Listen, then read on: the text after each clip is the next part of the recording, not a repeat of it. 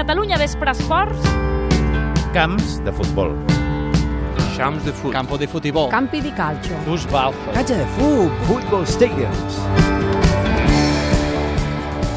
Primer camps de futbol de la, del 2014, eh? I primera derrota de l'any del Sassuolo, el nostre Ja, equip. malament, ja- ja 2 no a estem 0 al camp del eh? Gènova, però Mira avui que havíem remuntat una mica el vol, però... ja, no. em, tornem a ser en zona de descens, però ens en Però ens en sortirem. sortirem, no? Anirem endavant, segur. Junts podrem. Avui, però, estem gairebé obligats a marxar a Portugal. Tenho a pele branca de Lisboa. Obligats a recordar un dels que diuen ha estat un dels grans de la història del futbol.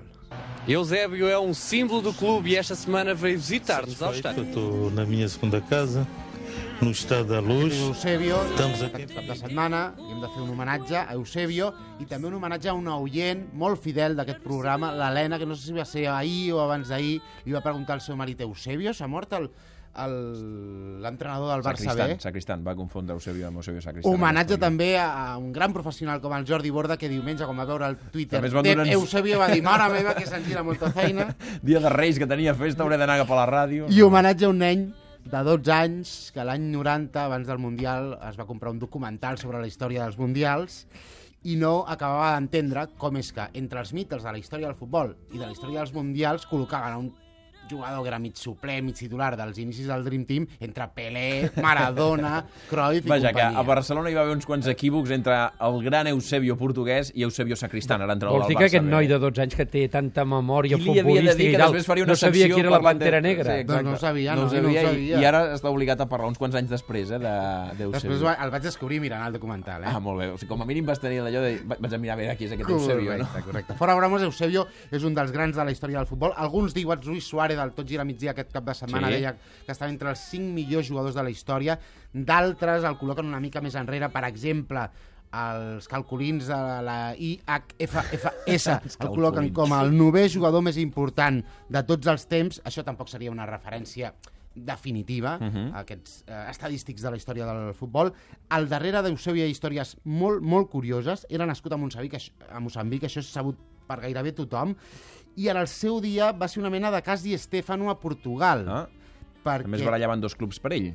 el Benfica, el seu Sí, club de tota la vida, va fer història. i l'Sporting de Lisboa, perquè a Moçambic Eusebio jugava a, a una mena de filial, a, a, un, a un sucedani, a una sucursal de l'Sporting a Moçambic, a la colònia. Uh -huh. I el Benfica va fer tota una sèrie de gestions, algunes una miqueta Tèrboles, fraudulentes, exacte, tèrboles, com per exemple fer viatjar a Eusebio en un avió amb, amb un bitllet al nom d'una dona, de Ah. Ruth, per portar-lo a Portugal Sense que ningú sabés que viatjava, vaja. Correcte, Així sí que eren s'entenés tèrboles, sí. Ningú de, no se s'aventés ningú de, de l'Sporting de, de Lisboa. Va guanyar dues Copes d'Europa, en realitat en va guanyar una, Uh -huh.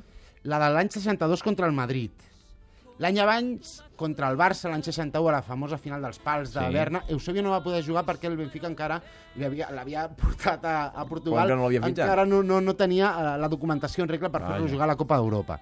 La gran dimensió la va aconseguir al Mundial d'Anglaterra l'any 66. Va ser-ne el màxim golejador, va fer 9 gols, que són molts gols en un Mundial, i va aconseguir tot sol remuntar un partit que Portugal perdia 3 a 0 contra Corea del Nord als quarts de final. Eusebio going through, and there is Eusebio given too much time. Eusebio. So Eusebio's second goal of the match. North Korea 3, Portugal 2. És la narració de la BBC dels Portugal 5, Corea del Nord 3. Bastant tranquil·la la narració, eh? no era molt Era efusiva. l'any eh? 66. I no és llatina. Anàvem perdent 3 a 0, Eusebio va fer el 3 a 1, el 3 a 2, el 3 a 3 i el 4 a 3. Parlant amb gent de futbol, diuen que recordava una mica el Ronaldo, però el Ronaldo, el bo. I sobretot el Ronaldo eh? de l'any del Barça. Ronaldo que, era va jugar al Barça i després va anar al Madrid. Tècnicament bo i molt potent, vols dir, no? Correcte, potència correcte. descomunal. Parlant amb, amb el Josep Maria Fuster aquesta tarda, Uh -huh. deia que perfectament el gol de Compostela el podria haver firmat en el seu dia Eusebio. un, bueno, un estil, un estil de, de Ronaldo. El Ronaldo era molt més ràpid de moviments, amb el díulic sobretot, però en potència poder estar més fort l'Eusebio que el Ronaldo aquest, sí. O sigui, el gol de Ronaldo del Compostela Sí, bueno, el, que el podria haver fet l'Eusebio. Sí, això mateix. Era una jugada típica d'ell perquè ho feia molt, Doncs Josep Maria Fuster, que s'hi va enfrontar recordant a Eusebio, i aquí parant-lo podríem dir amb Ronaldo Nazario. Amb el Xavi Campos hem recordat a Eusebio. Falten 6 minuts per arribar a les 9 i em diuen que surt Aguirre a la ciutat esportiva de l'Espanyol, David.